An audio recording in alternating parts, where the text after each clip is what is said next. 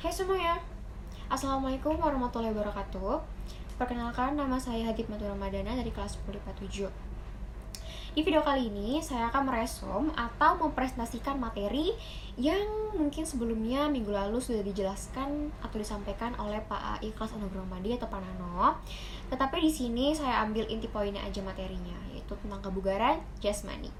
Oke, sebelum kita lanjut lebih detail, kita harus tahu dulu nih, apa sih kebugaran jasmani itu?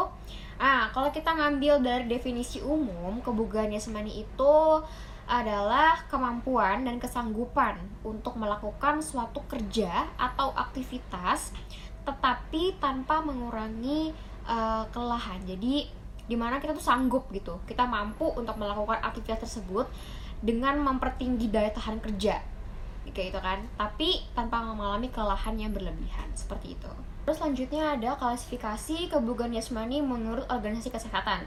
Itu diartikan dengan dua yaitu sehat dan bugar ya. Sehat itu berarti uh, kita tuh terbebas dari segala penyakit. Mau penyakit fisik mau penyakit mental pokoknya kita bebas gitu kan. Sehat gitu. Nah terus selanjutnya bugar. Bugar itu berarti kita uh, melakukan aktivitas fisik sehari-hari dengan maksimal tanpa mengurangi kelelahan di tubuh kita yang sudah seperti saya jelaskan sebelumnya gitu kan kita melakukan aktivitas tuh dengan apa ya dengan mampu kita sanggup gitu jadi ada yang perlu diperhatikan nih dalam kebugaran jasmani. Jadi di kebugaran jasmani itu ada tiga hal penting yang harus kita perhatikan. Apa aja itu? Yang pertama ada fisik, yang kedua sistem organ, dan yang ketiga respon otot.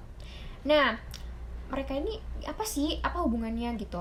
Nah kalau misalkan fisik yang pertama itu berhubungan dengan uh, otot kemudian tulang dan fungsi lemak.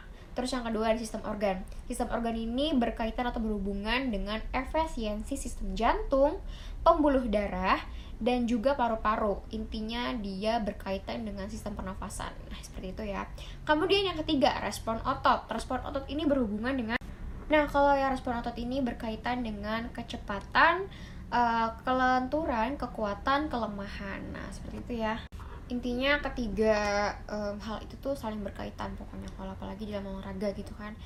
Dengan fisik berarti kita bagian fisik itu kan otot tulang, terus bagian pernafasan. Selanjutnya ini adalah unsur-unsur kebugaran jasmani. Nah, kalau kita bahas unsur-unsur pasti udah tahu lah kan kayak kalau paling kekuatan, kelincahan gitu-gitu gitu-gitu. Nah, tapi kita perjelas di sini gitu. Jadi unsur kebunisme itu ada 10 ya.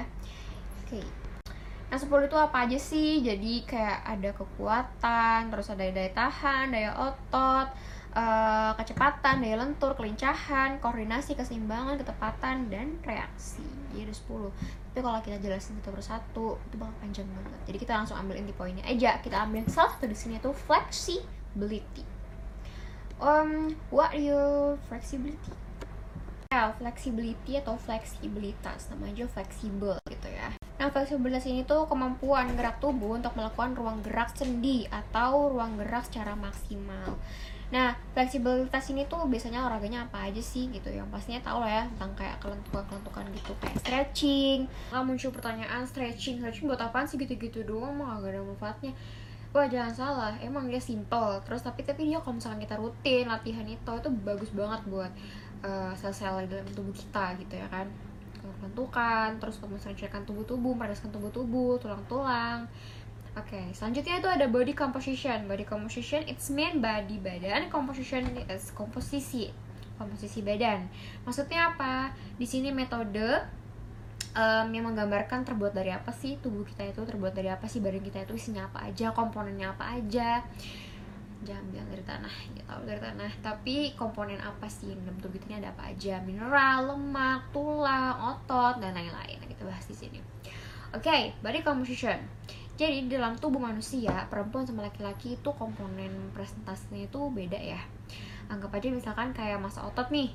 Nah laki-laki tuh lebih banyak dibanding perempuan. Misalkan aja kayak ya misalkan body composition komposisi tubuh dalam tubuh laki-laki misalkan anggap aja masa ototnya 45% nah berarti di perempuan tuh cuma 36% kemudian kayak lemak wah enak banget laki-laki beruntung banget loh.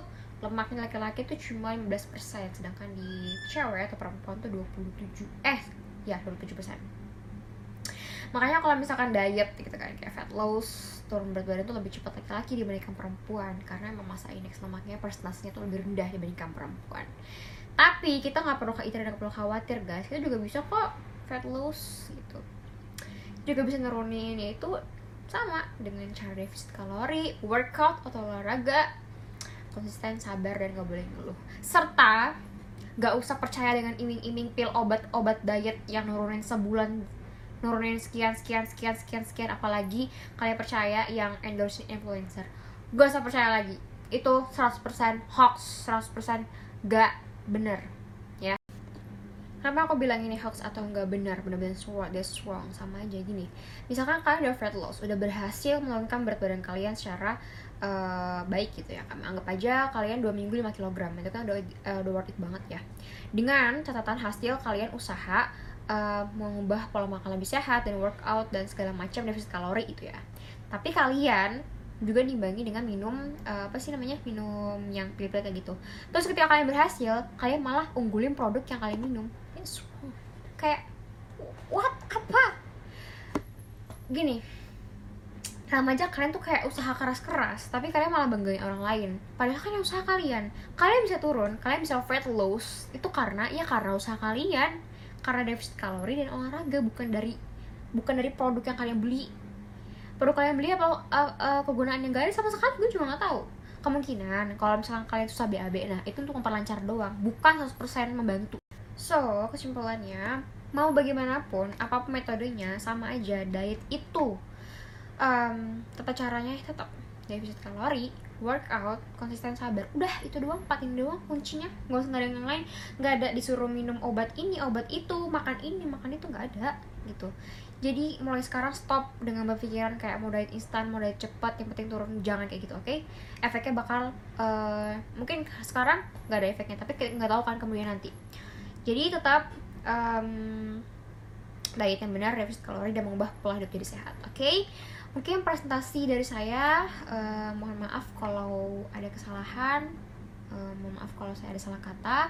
Kurang lebihnya mohon maaf. Wabillahi taufiq wassalamualaikum warahmatullahi wabarakatuh